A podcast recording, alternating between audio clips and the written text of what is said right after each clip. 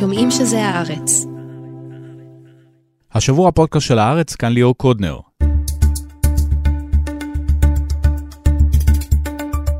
המלחמה והפוליטיקה מתנהלים לכאורה בשני מישורים מקבילים, אבל הם גם מצטלבים ביניהם לא פעם. השרה יפעת שאשא ביטון מהמחנה הממלכתי תדבר איתנו על מה שקורה בדיוני הקבינט. היא לא הבינה בזמן אמת את תקרית הפופקורן של מירי רגב, אבל כן מתבטאת בחריפות נגד ההדלפות מהקבינט. אין פה הרבה מילים טובות על ראש הממשלה, אבל שאשא ביטון לא מדברת על פרישה, וקוראת ליאיר לפיד ואביגדור ליברמן להצטרף לממשלה, גם אם זה ישאיר את נתניהו בשלטון. עוד קודם לכן, אולי זה ספין, אבל נראה שעסקה לשחרור החטופים שוב על הפרק. בתמורה, תידרש ישראל לשחרר רבים מהאסירים הפלסטינים בבתי הכלא בישראל. עם יובל ביטון, שהיה ראש חטיבת המודיעין בשב"ס, נדבר מי האנשים האלה, עד כמה הם מסוכנים, ומה, אם בכלל, נלמד מעסקת שליט. עמוס הראל הצטרף אליי לשיחה הזאת.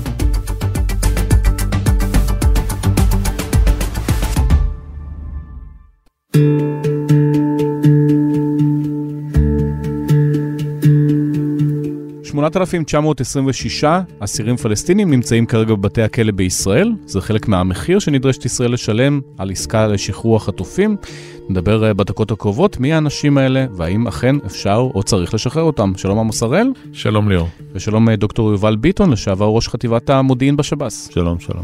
אז בואו ננסה לבדוק מי אותם אה, כמעט 9,000 אסירים פלסטינים מאז 7 באוקטובר נוספו עוד 4,000, קודם היינו עם 5,000, עכשיו אנחנו עם כמעט 9,000. מי אלה? בעיקרון כל ה-4,000 החדשים, מדובר בפעילי נוח'בה, פעילי חמאס שנעצרו בעזה, אבל הרוב הגיע מהגדה המערבית, מעצרים מנהליים, מעצרי מנע. ישראל שמה יד על כל פעיל חמאס בגדה המערבית כדי למנוע התפרצות של מתקפות טרור גם מצד חמאס בגדה המערבית. וגם אנחנו זוכרים שלפני ה-7 לאוקטובר, השטח די בער, בעיקר בג'נין ובשכם, וצה"ל ממשיך לעשות מעצרים. אז אלה העצורים החדשים. ולפני כן יש משהו כמו 5,500 שפוטים ועצורים לפני השבת השחורה. רובם הם פעילי פת"ח, בדרך כלל זה 60% מהאסירים הם נמנים על הפת"ח בזמנו, 3,500. עוד 1,500, 1,800 זה פעילי חמאס, ושאר זה ארגונים קטנים, ג'יהאד אסלאמי וחזיתות. כשהמספרים האלה גדלים עכשיו, זה גם מטרה של ישראל כדי שאפשר יהיה לשחרר אותם ולא את האסירים הוותיקים יותר, אולי עם דם על הידיים? אני לא חושב. המעצרים בעיקר זה פעילות של צה"ל בעזה, מן הסתם גם פעילי נוח'בה שנעצרו ממש בסמוך למתקפה. חלקם עכשיו זה גם כאלה שנעצרים תוך כדי הפעילות של צה"ל. זה גם למטרות מודיעין וחקירות. והדבר השני זה מעצרי מנע בגדה המערבית, אלה לא מעצרים, עצורים מנהליים הם לא קלף מיקוח, גם לא מבחינת חמאס. מי שעצור מנהלי יש לו בדרך כלל תאריך יעד לשחרור, ולכן זה לא כדי להוסיף פה אסירים, כדי שנוכל לדון ולשאת ולתת עליהם. למרות שבעסקה הקודמת ראינו כשהמפתח היה אחד לשלושה, ישראל ניסתה לשחרר כל מיני אנשים גם שלא קשורים לעניין, רק כדי שיהיה לשחרר ופחות אנשים עם דם על הידיים, או אנשים שלא יהיו מעורבים בכלל בפעולות טרור משמעותית נגד ישראלים. כי זה היה מפתח לא משמעותי וזה לא היה עיקר העניין. היה ברור שבפעימה הקודמת זה אינטרס יותר גדול של חמאס לשחרר אסירים מאשר שלנו. ולכן לא, לא היה שיח בכלל משמעותי על כמה אסירים ישחררו תמורת כל uh, חטוף uh, ששוחרר, במקרה הזה זה חטופה או, או ילד, ולכן uh, לא, לא הגענו בכלל לשיח המשמעותי בסוגיית ה... חילופי אסירים מבחינתם, שחרור אסירים תמורת uh, חטופים. אבל ברור לגמרי שהמפתח בפעם הבאה, אם אכן יהיה שלב אחר. מדברים על מאות אנשים, אולי 150.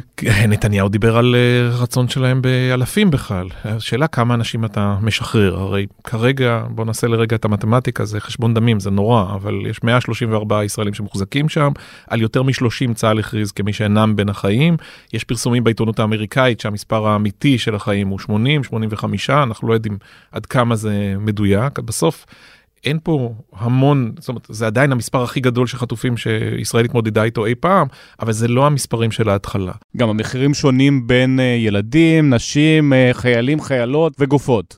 כמו שיובל הזכיר, בשלב הראשון חמאס נתקע עם אה, נכס שהפך לנטל מבחינתו, יותר מדי ברור. אנשים, היה לו קשה לשמור עליהם, וגם זה עשה לו נזק עצום אה, הוא עשה בחו"ל. נזק תדמיתי. כי הוא באמת, הוא השתמש בנשים וילדים כסחורה, ואז באיזשהו שלב כשהם הבינו את זה, והם רצו הפסקת אש וחשבו שהם אה, מגיעים לסוף המלחמה, הם התחילו לשחרר. אני חושב שזה היה בעיקר אה, לחץ קטרי, וכדי לרצות את הקטרים, ומלכתחילה, אני לא חושב שהם חשבו לחטוף ילדים ונשים.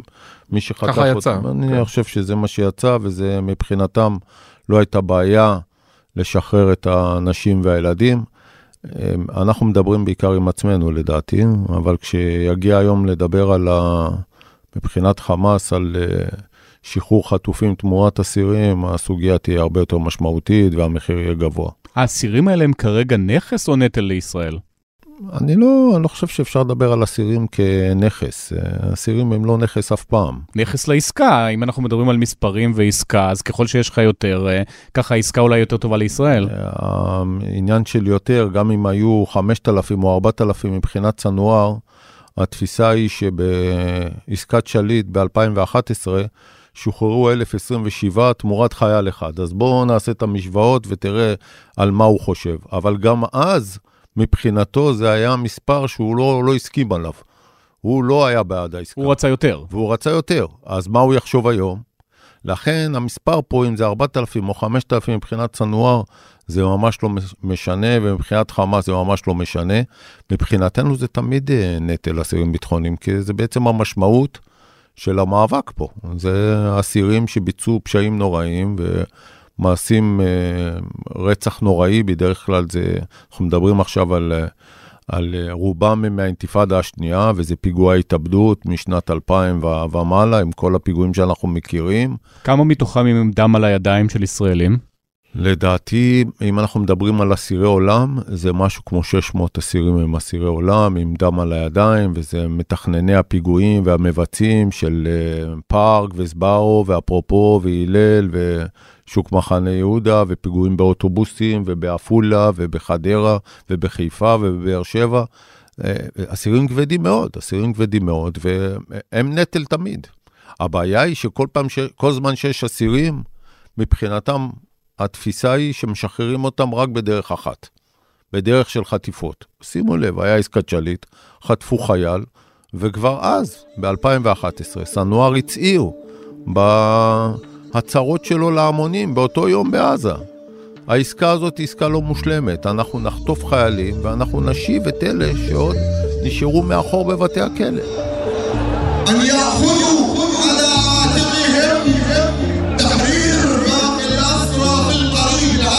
יובל, אבל מה האמת בסיפור שהוא בעצם התנגד לעסקה בתנאים הללו, ושהפעלתם לחץ, גם אה, שב"כ וגם שב"ס, אפילו היה דיבור על זה שהעבירו אותו לצינוק או לכלא אחר, כדי לרכך את ההתנגדות שלו ולהבטיח שהוא לא יחבל בעסקה. נזכיר שהוא עצמו היה בכלא ושוחרר במסגרת העסקה. סנואר עצמו התנגד חד משמעית, הוא פעל והוא עשה רבות כדי להכשיל את העסקה, הוא הצליח בזה פעם אחת או פעמיים, אבל השחרור של ארורי בעצם הוא זה שהכריע את הכף, ומי שכפה עליו את העסקה הזו זה סאלח ארורי, כשהוא שוחרר שנה קודם לכן וגורש לדמשק. שמה הייתה הדינמיקה שם? דינמיקה ברורה, משום שסאלח ארורי הוא שונה, הוא מהגדה, הוא שונה בתפיסה שלו מסנואר, שהוא איש חמאס עזה. סנואר כמו העזתים רוצים את הכל, וסאלח ארורי הבין שיש בסך הכל קלף שגם יכולים לאבד אותו, וצריך להתפשר עליו, ו-450 אסירי עולם, זה מבחינתו היה משמעותי, וצריך אה, להסתפק בזה, למרות שמבחינתנו זה מחיר כבד, אבל הוא חשב שזו עסקה ראויה, והוא כפה אותה על אה, סנואר, שסנואר היה בכלא. הכרת את סינואר בכלא? בוודאי. ומה חשבת עליו? סנואר אה, הוא משקף את תפיסת עולמו של החמאס, בעיקר חמאס עזה. יש פערים משמעותיים, כפי שאמרתי קודם, גם בגישה, גם בתפיסה, גם בפרגמטיות בין אה, חמאס גדה לחמאס אה, עזה. סנואר משקף את חמאס עזה. חמאס עזה הם קיצוניים, הם רדיקליים, הם uh, מסתכלים בדרך כלל uh, שחור או לבן, אין הרבה גמישות. שמה, אתה פוגש אותו בכלא, אומר לך בעברית, אני ארצח את כולכם, לא תגורו לא, פה? לא מדברים ככה, אני ארצח את כולכם, אבל המטרות של החמאס הן ברורות. אלה אחים מוסלמים, המטרה שלהם היא מטרה של מלחמת דת. המאבק פה הוא מאבק דתי, הוא לא מאבק לאומני. ואת זה הפת"ח הבינו רק ב-2007. ב-2007 הפת"ח הבינו מה שלצערי רק היום אצלנו מתחילים להבין, שחמאס זה, זה ארגון שהוא לא מדבר איתך על איזה שהם הסדרים של שלום, לא בגבולות 67 וגם לא בגבולות 48, והוא אומר לי את זה במפורש. הוא גם אומר, אם אנחנו נעשה איתכם הודנה, ל-10 או ל-20 שנה, היא תהיה הודנה מותנית. כל זמן שאתם תהיו חזקים ואתם מעצמה ואתם מעצמה גרעינית, זה בסדר. כשאנחנו נזהה שאנחנו מספיק חזקים ואתם נחלשים, אז ההודנה הזאת תופר. אז זה מה שקרה ב-7 באוקטובר? ברור לחלוטין. הוא זיהה מבחינתו שאנחנו נחלשנו. הוא אמר לי את זה לפני 20 שנה, אתם תתפוררו מבפנים. שנזהה שאתם חלשים, נתקוף אתכם. והוא תפס אותנו כמי שעומדים להתפורר מבפנים על רקע קרעים בשאלות של אה, דת ומדינה וחוקה ובהקשרים כאלה וזהות, או שהוא תפס אותנו כחברה מערבית אה, הולכת ונרכבת. לצערי, אה, הוא תרגם אותנו לא נכון. אני התראיינתי אה, לכתבה שעשה עליי יועד חמו חודשיים לפני השבת הזו. והוא שאל אם אני רוצה להעביר מסר לסנואר ולארורי, ודווקא דיברתי על העניין הזה, שלא יתרגמו את המאבק הפנים-ישראלי, הדמוקרטי, ובאמת, יש חילוקי דעות ויש מחלוקות, והן אפילו מחלוקות אה, קשים מאוד, אה, שדי קורות את החברה הישראלית, אבל שלא יתרגם אותנו לא נכון, כי אם הוא יחשוב שזו החולשה שתביא אותנו למצב כזה שאנחנו לא נוכל לעמוד מפני מתקפה שלו, הוא יטעה, הוא ימצא עם מאוחד. לא הקשיב לך? הוא לא הקשיב, כי לא פרסמו את זה. הכתבה לא שודרה. לא, הכתבה שודרה, אבל בלי הקטע הזה. נחתך בעריכה. כן. טרגי. אבל בסוף הוא הבין, מבחינתו, שזה אה, קו שבר בחברה הישראלית. אם לפני 20 שנה הוא זיהה את השברים, במאבקים הפנימיים שלנו, אשכנזים וספרדים ואליטות ואלה שגרים במרכז ואלה שגרים בפריפריות, הוא ידע לקרוא אותנו היטב. וכשהוא ראה את ההפגנות האלה, הוא אמר, זו שעת כושר כי ישראל מתפרקת מבפנים.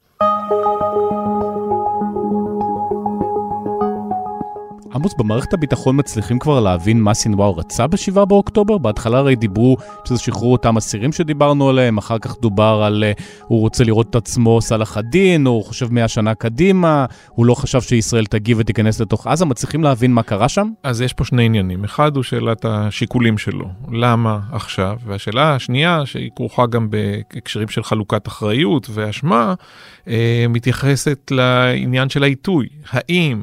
בשנתיים האחרונות, אחרי שובר חומות, הוא שבר ימינה במרכאות, החליט על התוכנית הגדולה, או שבעצם כבר כשהוא שוחרר בעסקה ב-2011, הוא מגיע לרצועה ומתחיל לתכנן את המהלך הגדול שלו שמתגשם באוקטובר 2023. למה זה חשוב? כי השאלה אם מערכת הביטחון וקהילת המודיעין נרדמו במשך שנתיים, או שהם פספסו בקריאה לחלוטין במשך 12 שנה. כמובן שהנטייה של אה, אגף המודיעין ואולי השב"כ היא להגיד, הוא עבד עלינו בשנתיים האחרונות, אנחנו עדיין לא יודעים כי למה. זה יותר קל להגיד את זה. בסוף אין לנו מספיק מידע, מה שאנחנו רואים זה מדי פעם מסמכי שלל שיוצאים החוצה ומודלפים גם באופן די מגמתי. ראינו מצד אחד את ה, אה, אה, המסמך שנשלח לסינואר שמוציא עמית סגל ואחר כך ניר דבורי יוציא משהו לפני אה, כמה ימים שמדבר על דברים אחרים. היה פה רצף של שיקולים. הדבר הכי מעניין בעיניי זה הכתבות דווקא בעיתונות הזרה, בגרדיאן, בניו יורק טיימס, בוושינגטון פוסט, בערך בסוף אוקטובר, קצת אחרי הטבח, שאז כל מיני אנשים אחרים, לא חמאס עזה, מנסים להסביר, ואז הם אומרים, כן, הר הבית, כן, אה, המחלוקות בחברה הישראלית, רצינו למנוע את הנורמליזציה עם סעודיה, ורצינו להשתלט, להחזיר את המאבק הפלסטיני לראש סדר היום האזורי, ולהשתלט, לחטוף בעצם את הסיפור הפלסטיני, לחטוף אותו מידי הפת"ח ולהפוך למנהיגים אה, של העם הפלסטיני. אני חושב שבסך הכל, כנראה שוב, כל התשובות נכונות, זה שילוב של הדברים הללו. החשד שלי, שסינואר עבד עלינו במשך שנים. זאת אומרת שישראל מכרה לעצמה איזה סיפור של שתי הפנים, היין והיאנג הפלסטיני ברצועה, שמצד אחד הם מעודדים את המוקאוומה, את ההתנגדות, מצד שני יש להם לדאוג לאוכלוסייה של שני מיליון איש. הביוב של עזה, מה שקראו לו? וחשבנו שאיכשהו... הריסונים יעבדו, מה גם שאנחנו מחלקים סוכריות כל הזמן. אה, נכנס כסף קטרי, מגדילים את מספר הפועלים, כבר הייתה תוכנית להגדיל ל-30 אלף פועלים שייכנסו, זה נקטע רק בגלל הטבח. הנה, יובל אומר בצורה מפורשת שהוא לא הסתיר את זה. אני בתחושה, אנחנו לא כל כך הקשבנו לפשט, דווקא לדברים שהוא אמר אה, בפומבי ובקול רם. לא פעם, ודי מיהרנו להתאים אותם לתמונה הכללית שהייתה נוחה לנתניהו, הייתה נוחה לציבור הישראלי שלא רצה עוד עימות, וחשש מהרוגים בתמרון קרקעי ובכיבוש הרצועה, ונוחה לקהילת המודיעין. נדמה לי שהיינו באופסייד מלא. אני מנתח את האירוע הזה אה, מהיכרות מעמיקה שלי איתו ועם שכמותו. זה לא רק סנואר. זה ראוכי מושטה ותאופיק אבונאים וזה עלי עמודי וזאת החבורה שהשתלטה על הנהגת חמאס בעזה. וכל החברים האלה הכרת אותם מהכלא. בוודאי שהכרתי אותם והכרתי תפיסת עולמם. והם מהגרעין שהיה סביב השייח' יאסין כשהקימו את חמאס בסוף שנות ה-80. בוודאי, כשהקימו את חמאס, אותה חבורה, ראוכי מושטה ותאופיק אבונאים וסנואר, הם הקימו את המאג', אלה היו אחראים ועדות ההלם לח, לחשוף משתפי פעולה ולכפות בעצם את החיים על פי חוקי השריעה, על פי חוקי האסלאם. והם אכפו את סוגיית המוסר. אבל כשאתה מנסה להבין את חמאס, ברור לחלוטין שהמתקפה הזו ב-7 לאוקטובר הייתה משתי סיבות. אחת, זה חלק מתפיסת העולם של חמאס, התפיסת עולם האחסית של האחים המוסלמים. המאבק דתי במדינת ישראל שאין לה זכות קיום פה. וכל פעולה כזו היא פעולה שמקעקעת את העמידה של ישראל ואת האחיזה שלה בשטח. ולכן זה מאבק ארוך טווח, הם מסתכלים 100 שנים קדימה. ואם אני עשיתי מהלך כזה, שפוגע, מערער, מטיל אימה, פחד, טרור, ואני פוגע בערכים הבסיסיים ש, של הישראלים בתוך ביתם, ו, ואני מצליח לערער אותם, זה חלק מהתפיסה שלנו ארוכת טווח. אז מערכת הביטחון פשוט הדחיקה את זה? כי הרי שמעו את זה. איך אפשר לקנות ארגון דתי ולתת לו כסף? זה לא מתחבר עם הערכים שלהם, זה לא יקנה אותם לא כסף ולא פועלים ולא שום דבר, יש להם מטרה ארוכת טווח, והם ישיגו אותה גם אם הם יצטרכו במשך שנים מסוימות להתאפק, להתכונן, לייצר איזה שהם יחסים כלכליים עם ישראל, הוא גם מציע, בלי בשיחה, אנחנו נעשה איתכם הודנה כלכלית. עכשיו, המתקפה הזו ב-7 לאוקטובר, היא הייתה ברורה, המטרה העיקרית שלה זה שחרור אסירים. לזה הוא התחייב עוד לאסירים כשהוא יצא ב-2011, והוא היה אה, אה, בעסקה הזו, כשהוא השתחרר, הוא השאיר מאחור אנשים שהוא נקב בשמם, חסן סלאמה ומחמוד עיסא. חסן סלאמה שפוט ל-48 מאסרי עולם על הפיגועים, פיגועי התאבדות בין 93 עד 96. הוא מג'באליה, הם, הם, הם, הם שכנים. אבל בשביל שני האנשים האלה היה צריך להרוג 1,400 ישראלים ולחטוף uh, 200 איש? כשאני אומר שהוא מזכיר את השמות, הוא אומר, אנחנו לא השלמנו את העסקה והשארנו מאחור את האחים שלנו. הוא נושא את הנאום הזה ב-2011, ומתי הוא חוטף? כדי להשלים את העסקה ואת ההתחייבות שהוא השאיר לאחים שלו מאחור, ב-2014 בצוק איתן. ואז את גולדין ואת שאול. ותשע שנים ישראל מנהלת איתו משא ומתן, והוא בעצם איתנו, והוא רואה שהוא לא מצליח להגיע להישגים. אז הוא מתכנן, אם הוא אומר שתי גופות, ומבחינתו אגב, הם לא גופות, הוא לא הצהיר עליהם כ- כמתים, גם המסרים שלו, שהם לא מתים. ואם הוא לא הצליח עם שניים, אז הוא יחטוף עשרה. יחטוף 200. לא. אם אתה שואל אותי מה, מה הוא חשב שיקרה, הוא לא האמין שצה"ל לא יהיה בשטח. עם כל המתקפה הזו, המטרה הייתה ארבעה, חמישה, שבעה חיילים, לחטוף אותם כדי שיהיה לו קלף מיקוח. אם הוא חשב והעריך שכל הגזרה הזאת של העוטף תהיה נטושה, ואף אחד לא יגיב והוא יגיע להישג כזה, אני חושב שההישג הזה מבחינתו זה הצלחה יתרה, ולכן הוא גם לא צפה את התגובה של צה"ל. גם האחיין שלך, תמיר אדר, נרצח uh, על ידי חמאס וגופתו מוחזקת בתוך עזה. אתה היית חותם איתו על עסקה כזאת? שחרור כל האסירים בתמורה לגופה ולשאר החטופים? תראה, זו שאלה ששאלו אותי אה, בשבוע הראשון לחטיפה. כשעוד חשבתם שתמיר בחיים. כשעוד חשבנו שתמיר בחיים. שאלו אותי אם נכון, אז דובר על כולם תמורת כולם. אם זה נכון לשחרר את כל החטופים תמורת כל האסירים. ואני אמרתי שלא, למרות שהאחיין שלי שם. למה? משום שבאירוע הזה, אם אתה מסכם את כל התגובה שלך בחילופי אה, אסירים תמורת שחרור החטופים, זה אירוע שישראל אחרי זה לא תוכל לשרוד פה באזור הזה. התגובה למהלך של חמאס עשה, במזרח התיכון אתה חייב לפעול להשמיד את היכולות הצבאיות של חמאס, כי מי שאומר להשמיד את חמאס, הוא לא יודע מה הוא מדבר, כי זו תנועה וזו אידיאולוגיה. את חמאס אי אפשר להשמיד, כי זה רעיון. אבל את התשתיות הצבאיות והאזרחיות שלו, אם אנחנו לא נגיב, אז אנחנו פה באירוע אחר לגמרי. ולכן קודם כל צריך להיכנס, ליטול מחמאס את היכולות שלו ואת השליטה שלו בעזה. כדי שיראו אותנו גם בעולם הערבי, אם זה חיזבאללה ואם זה בגדה המערבית, כי אנחנו לא יכולים להסתכל על האירוע הזה מצומצם, נחליף את החטופים, נשחרר אסירים ובזה זה יסתכם. ואז אמרו לי, טוב, נשחרר את האסירים ונחסל אותם. אז את זה אמרו לי גם בעסקת שליט. לא קרה. ולא קרה שום דבר. ולכן, אם אתה שואל אותי, אולי אני מקדים את המאוחר, מה, מה יהיה היום או מה צריך לקרות כדי שתהיה עסקה, אתה לא רוצה שתהיה עסקה. לא, אני חושב שהעסקה היא הדבר הכי חשוב. כלומר, אין לנו פה זכות קיום כחברה. אם לא תהיה עסקה להשבת כל החטופים. זה הדבר הכי חשוב. יש פה איזו סתירה, אבל כי... אתה מבין את המחיר של הצד השני, הם רוצים הפסקת לחימה ושחרור כל האסירים. כי היה ברור, ואני אמרתי את זה במקומות אחרים, בשבוע הראשון לפני שצה"ל נכנס לעזה, שהוא יתנה את העסקה הזו לא רק בעסקת חטופים, אלא בהתחייבות שצה"ל לא יתקוף יותר בהפסקת אש עם ערובות בינלאומיות. ולא יורד בינתיים מהעץ. וזה לא נראה לי מישהו היה מסכים בצד הישראלי ש- שהתגובה של ישראל לאירוע הזה תסתכם בחילופי אסירים ובשחרור החטופים. הרי כולם אמרו, אנחנו נעשה ואחרי זה נתקוף. הוא מבקש ערובות בינלאומיות, וזה מה שהוא עושה אגב היום. והיום, בהתחשב בהרס ובהרג שחוללנו בעזה ובמחיר שהוא שילם, המחיר הזה נראה לך מספיק כדי להתחיל לדבר איתו על עסקה? תראו, סנואר כרגע, אם עד הפלישה הקרקעית של אה, צה"ל לעזה, הוא אמר, אני מסכים לחילופי אסירים תמורת כולם, ובתנאי שצה"ל לא ייכנס ולא, ויעצרו פה את הלחימה. ברגע שצה"ל נכנס פנימה, הוא את סוגיית האסירים שם בצד. היא הייתה ראשונה במעלה, עכשיו היא השנייה. הסדר עדיפות השתנה. עכשיו זה שרידות שלטונית.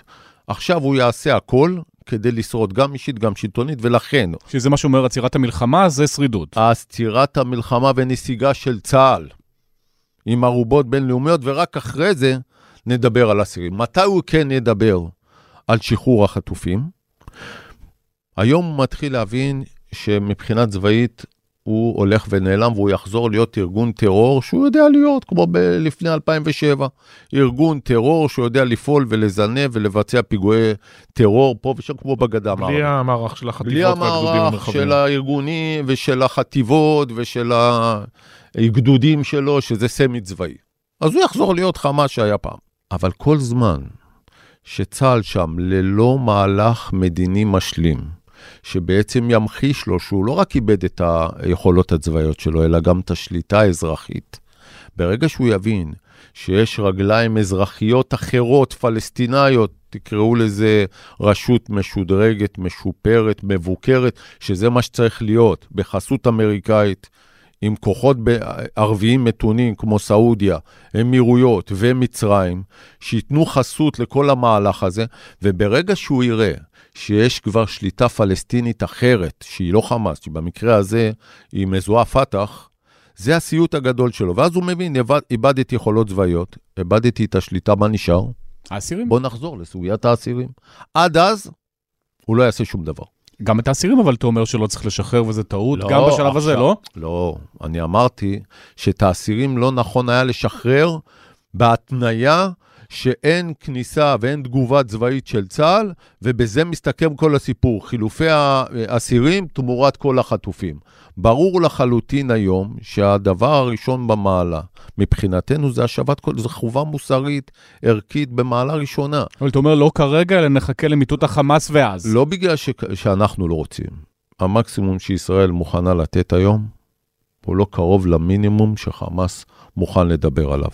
כי גם אם תהיה הצעה מצד חמאס היום לעשות עסקה ולשחרר את כל האסירים, למרות שאין עדיין שליטה אזרחית אחרת בעזה, אני לא חושב שהממשלה הזאת תעביר את זה.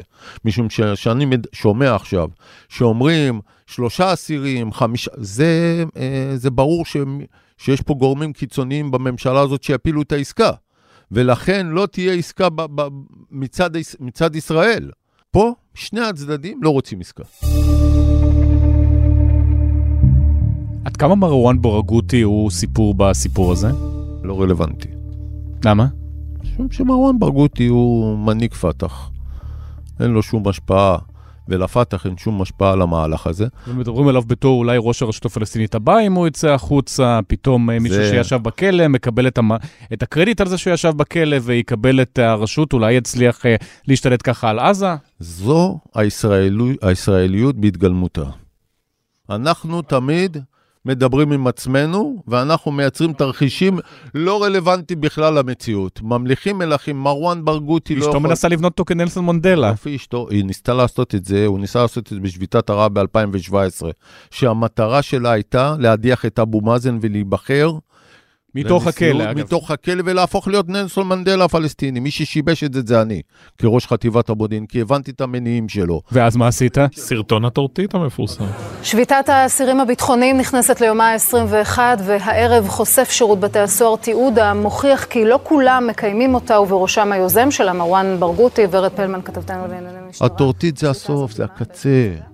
העיקרון הוא שאם היו אז 4,000 פעילי פת"ח, אסירי פת"ח כבדים בכלא, כולל מנהיגים מכל האזורים, משכם ומג'נין ומחברון, שמרואן ברגותי יוצא לשביתה הזו, הוא בהתחלה מסכם עם כל הארגונים. אנחנו מצליחים להוציא החוצה את החמאס ואת הג'יהאד אסלאמי ואת החזיתות, ואז נשאר הפת"ח. מתוך 4,000 אסירים הוא מצליח לקחת איתו בסך הכל 600 אסירים מאזור רמאללה.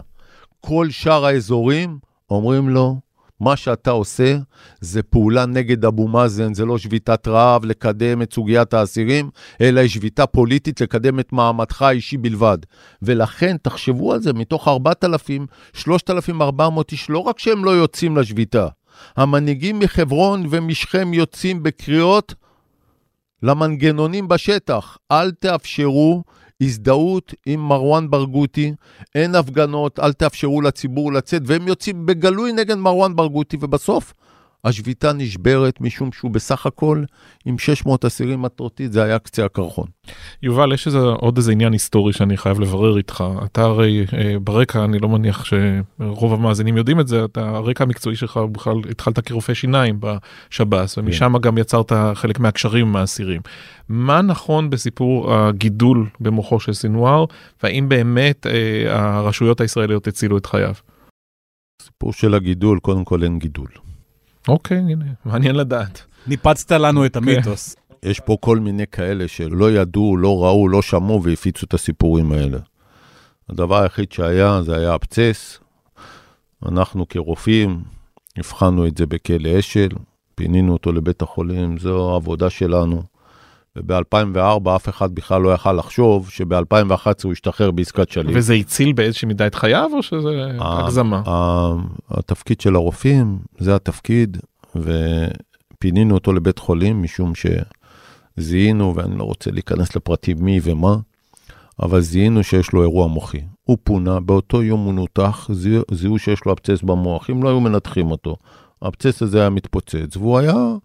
אה, בעצם מסיים את חייו. ויצא לך להרהר בזה על רקע שבועת הרופא? תראה, מי שעובד בבתי הכלא לא מטפל באנשים נורמטיביים. זה או אנסים, או שודדים, או פדופילים, או ראשי ארגוני פשיעה, או מחבלים. כלומר, כל יום אתה מערער בהכל. ולהיות רופא שיניים ולטפל במי שעשה את הפיגוע בסברו, באפרופו, בהלל, במומנט וביגאל עמיר, ובבני סלע, זה אתה כל היום מערער, ואתה עובד ביום ובוכה בלילה, וזאת העבודה שלך. ולכן, אף אחד לא מערער בבתי הכלא, אנחנו מתייחסים ועושים את העבודה שלנו, זה מה שנדרש מאיתנו. יש לנו, אנחנו מדינה שאם נאבד את היתרון היחיד שיש לנו, שזה היתרון המוסרי, לא תהיה לנו זכות קיום פה. וכשהשר איתמר בן גביר מדבר על זה שיש תנאים מעולים בבתי הכלא, זה כמו בית מלון, צריך uh, למנוע אוכל ודברים כאלה, מה אתה חושב? חבל שלא רואים אותו מחייך. תרשה לי, אני לא... הוא השר. אתה יודע, בסוף אמר לי משהו סאלח חרורי. ואני מציע לכולנו להקשיב לאויב, מה שאנחנו בדרך כלל לא עושים, אנחנו מקשיבים רק לעצמנו. ואמר לי סאלח חרורי כזה דבר. אני חושב שהוא גם אמר את זה בריאיון, חלק מהדברים. שמבחינתם, החברה הישראלית שמוכנה לשלם 1,027 אסירים תמורת חייל אחד, ועושה מאבק ציבורי כזה גדול במשך שנים כדי להשיב חייל, זו עוצמה של חברה, זו לא חולשה. והוא אמר לי אז, הלוואי ואנחנו היינו מתייחסים לאסירים שלנו כמו שאתם מתייחסים לחיילים שלכם, ותהיו, ואנחנו נהיה מוכנים לשלם מחיר כדי להשיב אסיר אחד, מה שאתם מוכנים לעשות. ולכן, ביום שאתם תחשבו כמונו, ותפסיקו להילחם על החיילים שלכם, אז אנחנו נוכל לנצח אתכם, כי אתם תהיו דומים לנו. אז תחבר לי את זה לבן גביר. אז אני אחבר לך את זה לבן גביר. אני חושב שבן גוריון בכתבים שלו כתב שהיתרון היחיד שיש לנו על העולם הערבי, שיש להם גם מבחינה מספרית, מבחינת שטח, מבחינת משאבים, יש להם יתרון עלינו בכל התחומים האלה. יש רק תחום אחד שיש לנו יתרון עליהם, זה תחום המוסרי, היתרון המוסרי, שנאבד אותו, נאבד את הכל. ולכן אני חושב שזה לא חולשה להתנהג, להתנהג בבתי הכלא. גם לאויבים שלנו, לתת להם את התנאים, אנחנו מדינה דמוקרטית, אנחנו מדינה נאורה, אנחנו חיים ב, ב, ב, בין, בין העמים אה, שצריכים להתייחס לאסירים בסטנדרטים שגבוהים באמנות הבינלאומיות. שתי פיתות זה בסדר. אני לא נכנס לפיתות, אתה יודע, הסוגיה של הפיתות זה החלטה של שב"ס בכלל, זה לא החלטה של האסירים. היא הגיעה ממניעים... אה, כלכליים טהורים ולא מניסיון לשדרג את uh, תנאיהם של המחבלים או של האסירים. בסוף זו הייתה החלטה פנימית של שב"ס. אתה רוצה שאני אגיד לך משהו שאף אחד לא יודע? קדימה. שהאסירים היו מעדיפים לקבל את הלחם ולא את הפיתות שמכינים אסירים פליליים שהם לא אכילים בכלל. אז זה פופוליזם. לא מסעדת משלן שם. בסוף אסירים מקבלים את המינימום הנדרש, ואין להם תנאים כאלה מפליגים, ואין להם ארוחות כאלה כמו שמספרים. אני חייתי את זה בפנים, אני חושב ש, שלא השתנה הרבה מאז שהוא הגיע. עמוס, אני אבקש ממך להתנבא לסיום, אנחנו נוכל לחיים את השיחה הזאת גם עוד חצי שנה, עוד שנה, כי יהיו 9,000 או מספר דומה של אסירים פלסטינים ולא תהיה עסקת חטופים ונמשיך לדון בזה, או שיום אחד פתאום זה יגיע? אני מקווה שלא, אני חושב שצריכה להיות פריצת דרך, זה מאוד קשה, כמו שיובל תיאר את זה, הפערים בדרישות המינימום והמקסימום של הצדדים הם עדיין גדולים, האינטרסים לא בהכרח משרתים עסקה, ובכל זאת יש איזה מהלך תקין של הדברים שבסוף צריך לחזור, יש שאלה מוסרית עצומה, העוול שאנחנו עושים לחטופינו שם, רובם הגדול, אני לא ממעיט בטרגדיה של החיילים, אבל רובם הגדול אזרחים שנחטפו מבתיהם בבוקר ה-7 באוקטובר, כי מדינת ישראל וצה"ל והשב"כ אכזבו אותם לחלוטין. לכן אני עדיין מקווה שנגיע לעסקה. אני לא חושב שזה קרוב, זה לא מעבר לפינה בדיוק, אבל הסיפור הזה עוד לא, בכלל עוד לא אבוד. עמוס הראל, יובל ביטון, תודה רבה לשניכם. תודה רבה. מהתרוממות רוח ואושר צרוף, חגיגה של אהבה וטבע, לטבח בהיקף בלתי נתפס. מה מספרים ניצולי המסיבות מיד כשהם יוצאים משם, ואיך ממשיכים הלאה? מה עובר על מי שנקלע לסיטואציה איומה כזאת תחת השפעה של חומרים משני תודעה, ולמה חשוב כל כך לסגור את החורים בזיכרון? פודקאסט החדשנים חוזר ל-7 באוקטובר בנובה מעיניו של פסיכולוג, שהוזעק לתת מענה ראשוני, ומצא את עצמו מתמודד עם מאות צעירים עמומים שנקלעו לתופת. לזכר אלו שלא חזרו, נתחכה אחר תרבות הטראנס בישראל, על שומה המוניטין השלילי שיצא לה, ומה היא חוגגת באמת. חפשו אותנו, החדשנים, סדרת פודקאסטים בשיתוף אוניברסיטת אריאל, בכל אפליקציות ההסכתים.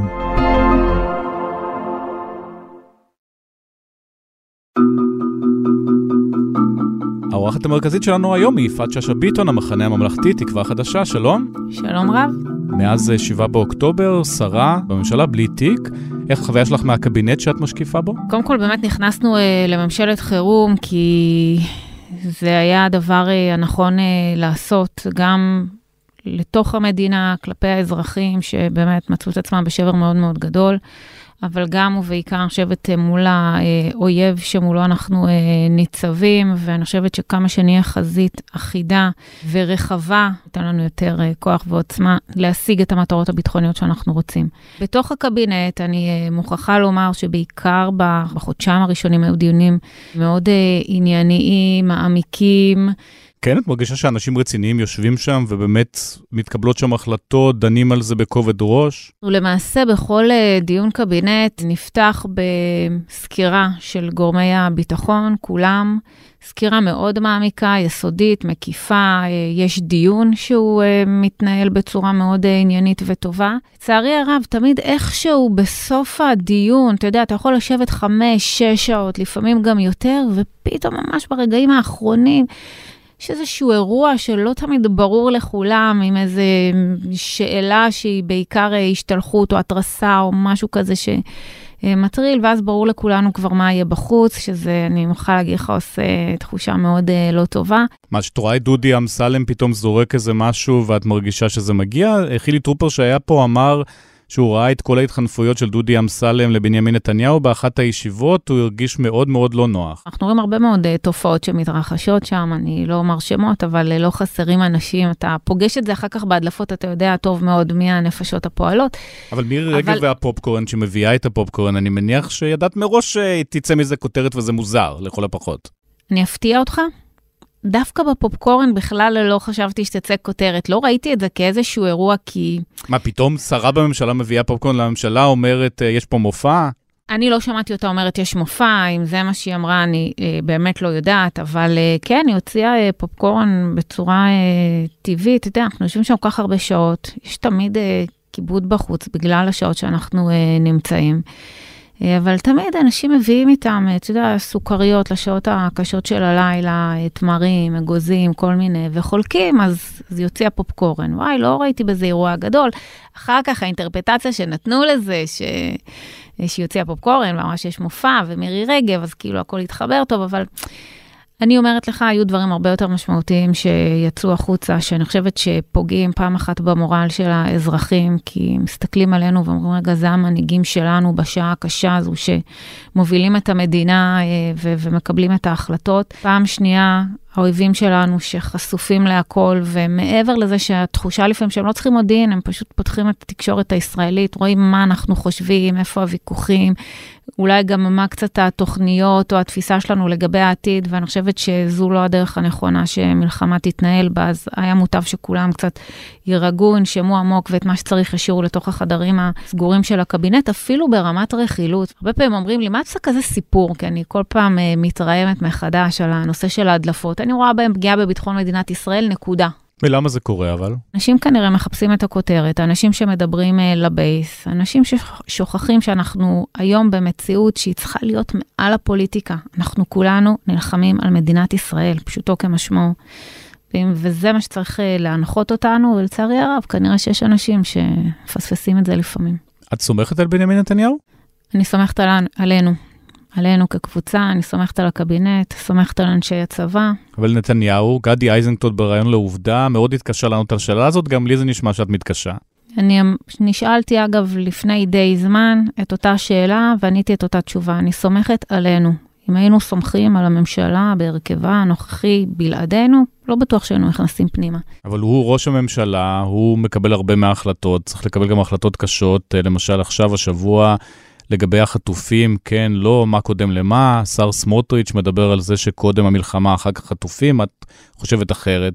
אם בסוף האיש שמקבל את ההחלטות, ההחלטות שלו לא ענייניות, אולי זה בעיה. בסוף מי שמקבל את ההחלטות זה הקבינט. חד משמעית. אבל לא מקבלים החלטות שראש הממשלה מאוד לא רוצה, פשוט לא מביא את זה לקבינט. אנחנו לא נכנסנו uh, כדי לרצות מישהו. אנחנו נכנסנו כדי להבטיח את מה שנכון למדינת ישראל. ההחלטות מתקל... מתקבלות בקבינט, אנחנו אומרים את הדברים שלנו בדיוק כפי שאנחנו מאמינים בהם וחושבים שהם צריכים להיות, ובואו נלך uh, לעסקת החטופים הקודמת, למתווה הקודם שהיה. אם אנחנו לא שם, אין מתווה, צריך להגיד את זה. חטוף אחד לא היית רואה בארץ.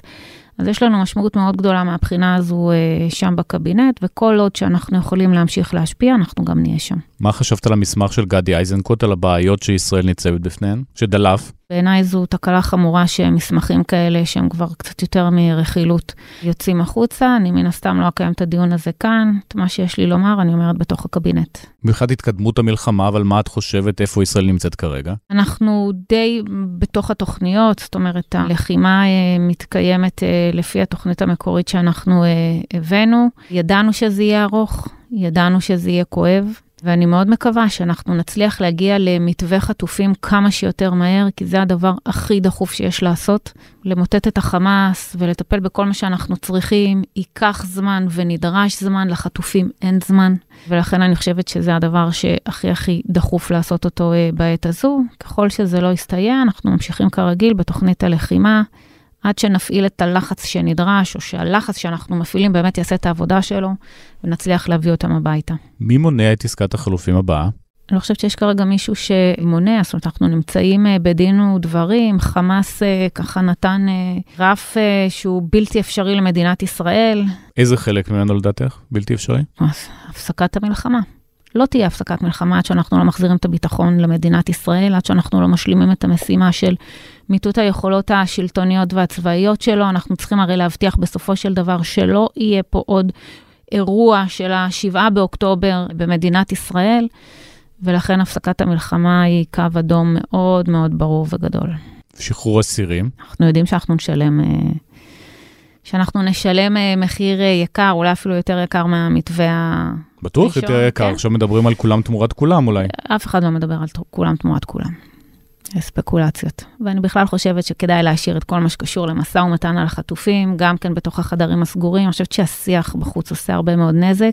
שיח של הפרשנויות, אה, של מה מוכנים, מה לא מוכנים, עד לאיפה אתה אה, מוכן להתקדם. אם המשפחות לא היו לוחצות, אולי לא הייתה, לא הייתה עסקה הראשונה ולא הייתה עסקה עכשיו, ברגע שהם התחילו להפעיל לחץ, נתניהו נלחץ, חברי הקבינט נלחצו, הולכים יותר לכיוון הזה, את לא חושבת שמשפיעים? אני חושבת שהפרשנות הזו היא שגויה.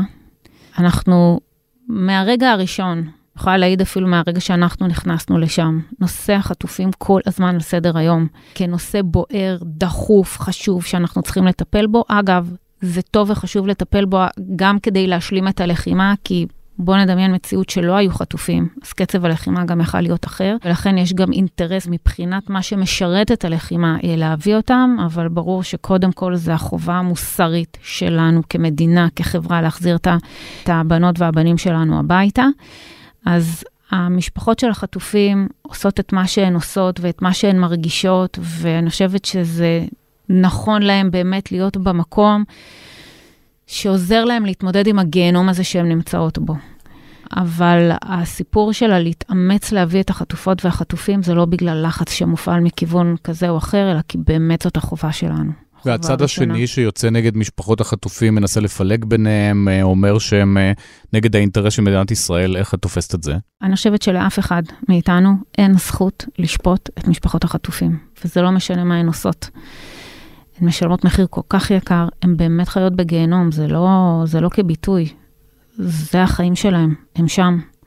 ולכן אני באמת לא שופטת אותם. התפקיד שלנו כמנהיגים זה לקבל את ההחלטות הנכונות, האחראיות, לעשות את מה שנכון, גם כדי להביא את החטופים הביתה, וגם לדאוג לאינטרס של מדינת ישראל ברמת המאקרו. יש משהו שאנחנו לא מחזירים עדיין, וזה 134 חטופים. עוד רגע נדבר, אתה צודק, לא, זה הדבר הכי חשוב. אנחנו מתאמצים, לא, זה לא הדבר הכי חשוב. החטופים זה לא הדבר הכי חשוב? לא, לא, אבל חבל, אה, למה אתה רוצה תחרות? מה, מה זה חשוב עכשיו? הכל חשוב, חשוב לנצח ולהשמיד את חמאס. 134 ישראלים וישראליות שנמקים במנהרות בעזה זה לא הדבר הכי חשוב כרגע? לא. כשסמוטריץ' אומר מה שהוא אומר, למה זה קורה? כי הוא ירד בסקרים מתחת לאחוז החסימה? אני לא פרשנית פוליטית. מכירה את המטריה. כן, אני מכירה את הביטויים, גם שלו וגם של אחרים. בסוף אני יודעת לייצג את עצמי. הוא חבר בממשלה, חבר בכיר, יושב לידך, הוא ידע מה הוא עושה ולמה הוא עושה את זה. אוקיי, הוא אומר עוד הרבה דברים שאני לא מסכימה איתם, אגב, והוא לא היחיד גם. אבל בסוף אנחנו נכנסנו כדי להביא את הקול שלנו, את התפיסה שלנו, כדי לאזן רגע בתוך כל הקבוצה הזאת שאנחנו אה, נמצאים בה, שאנחנו יודעים שיש בה כוחות מאוד אה, אה, קיצוניים, אגב, שזאת האידיאולוגיה שלהם, ואולי זה בסדר מבחינתם, אנחנו רצינו להביא משהו אחר, ובשביל זה אנחנו שם. אנחנו נכנסנו ואמרנו לאורך כל הדרך, ואנחנו אומרים את זה גם עכשיו בצורה מאוד נחרצת. הדבר הכי דחוף למדינת ישראל, מכל בחינה שהיא, זה להחזיר את הבנות והבנים הביתה. ואנחנו לא נחים עד שזה יקרה. בנימין נתניהו אמנם הזמין אתכם לממשלה, אבל עכשיו בימים האחרונים המקורבים שלו מדברים על זה שאולי מיציתם ואולי הוא לא צריך אתכם, הוא יסתדר עם סמוטריץ' ובן גביר, שזה השותפים הטבעיים שלו כנראה. אנחנו פה כדי להשפיע על ההחלטות שמתקבלות, כדי להשמיע את הקול החד משמעי והברור שאנחנו uh, מביאים. זה נכון לגבי סוגיית החטופים שאתם שומעים, וזה נכון גם לגבי סוגיות אחרות שקשורות uh, בלחימה עצמה. כל עוד שאנחנו מרגישים שאנחנו משפיעים, אנחנו גם נהיה שם, ואני אגיד לך יותר מזה. אני חושבת שבזמן הזה שאנחנו נמצאים כאן במדינת ישראל, עם ההישגים שאנחנו רוצים להביא לה מבחינה ביטחונית, מבחינת החטופים, כדי לייצב מחדש את המדינה ואת החברה, אני חושבת שאנחנו אפילו צריכים להתרחב. אני חושבת שצריכה להיות פה ממשלה רחבה. לא להסתכל פרסונלית עכשיו על מי נמצא איפה, אלא לראות איך אנחנו לוקחים את כל הכוחות הפוליטיים שיש במדינת ישראל, מחברים אותם ביחד כדי להשפיע על מה שיקרה כאן בשנים הקרובות. הביקורת שנמתחת אליכם זה שאתם בעצם הצלתם את בנימין נתניהו, נכנסתם לממשלה, הוא שורד בתור ראש ממשלה, וגם עכשיו את מדברת על זה שניכנס כולם לממשלה, אולי גם יאיר לפיד ונתניהו ישרוד. אתה יודע מה ההבדל בינינו? קדימה, מה? שאתה מסתכל על ההישרדות של בנימין נתניהו. גם הוא מסתכל על ההישרדות של אני... בנימין נתניהו. אוקיי, אתה מסתכל, הוא מסתכל, לא משנה, יש מי שמסתכל על ההישרדות של בנימין נתניהו. מבחינתי זה לא רלוונטי בכלל. איך זה לא רלוונטי? מה שרלוונטי לי זה ההישרדות של מדינת ישראל. אבל הוא ראש הפירמידה, אחראי לאירועים של 7 באוקטובר, לא לוקח אחריות, אה, ממשיך אה, לשסות אה, הרבה ציבורים בתוך ישראל. את רואה את כל זה, זה לא זר לך. ובסוף, כמנהיגה במדינת ישראל, בתקופה כל כך קשה, תקופה הכי קשה שידענו מקום המדינה, יש לי אחריות. והאחריות שלי היא קודם כל למדינת ישראל, גם אם יהיה כרוך במחיר פוליטי אישי וגם אם צריך לשלם מחירים אחרים בעתיד. בסוף אנחנו צריכים להסתכל בנקודת זמן הזו, מה הכי טוב למדינת ישראל, לא מה הכי טוב לנתניהו ולא מה הכי טוב לבן גביר או מה הכי טוב לבן אדם כזה או אחר, אלא מה טוב למדינת ישראל ואזרחיה. וזה מה שצריך לעשות, כי מה שטוב לתפיסתי, למדינת ישראל ואזרחיה, זה שאנחנו נעמוד כולנו, נעשה את מה שצריך ביחד, בצורה מלוכדת, נקים פה ממשלת שיקום למדינת ישראל, לא לאדם כזה או אחר, אלא למדינת ישראל. שהוא בראשה. זה לא משנה, אבל כשאנחנו נמצאים כקבוצה, ובסוף אנחנו מביאים את התפיסה שלנו, את האיזונים בתוך המקום הגדול הזה שאנחנו נמצאים בו, גם מבחינה חברתית וגם מבחינה פוליטית. נצליח למתן את הקולות הקיצוניים, כי אנחנו, בסוף בוא, בוא תגיד לי אתה מה האופציות. האופציות שאנחנו נישאר לצורך העניין בחוץ, אתה לא תשמע את הקול המתון, המאזן, שמביא בעצם את מה שנכון לנו כמדינה ולא מה שנכון לפוליטיקה של קבוצה כזו או אחרת. והמדינה תישאר שבויה בתוך ידיים של ממשלה שדעתי עליה לא השתנתה, אגב, גם לא דעתי על ראש הממשלה לא השתנתה. האם הייתי רוצה מציאות פוליטית אחרת? בוודאי שהייתי רוצה מציאות פוליטית אחרת. אבל כרגע אלה הקלפים שיש לנו.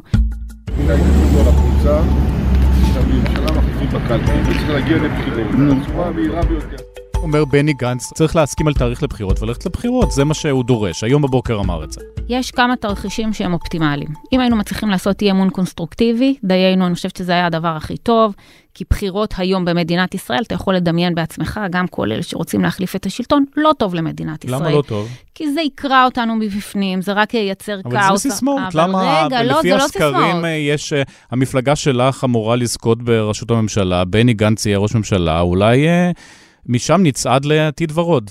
ושוב, אתה רואה פוליטיקה, אני רואה את מדינת ישראל. טובה של מדינת ישראל זה לא להחליף את ההנהגה שאחראית למה שקרה ב-7 באוקטובר?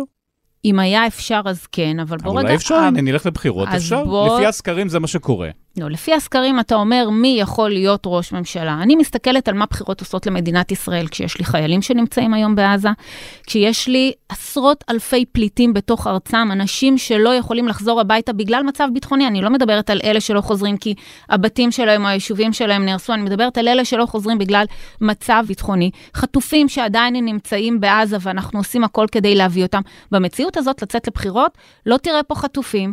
חברה שתלך ותיקרע, חוץ מכאוס, זה לא ייצור כלום. אבל כמו שנתניהו אמר בעצמו, מי שהרס לא יכול לתקן, אולי זה המצב גם עכשיו. כן, אבל אתה שוב, אתה אבל הוא בראש נמצא... הפירמידה. כן, אבל אתה נמצא אצל נתניהו. אני לא נמצאת, לא, אני לא מסתכלת עליו את עכשיו. בממשלה של נתניהו. אני נמצאת בממשלת חירום שעושה הכל למען מדינת ישראל.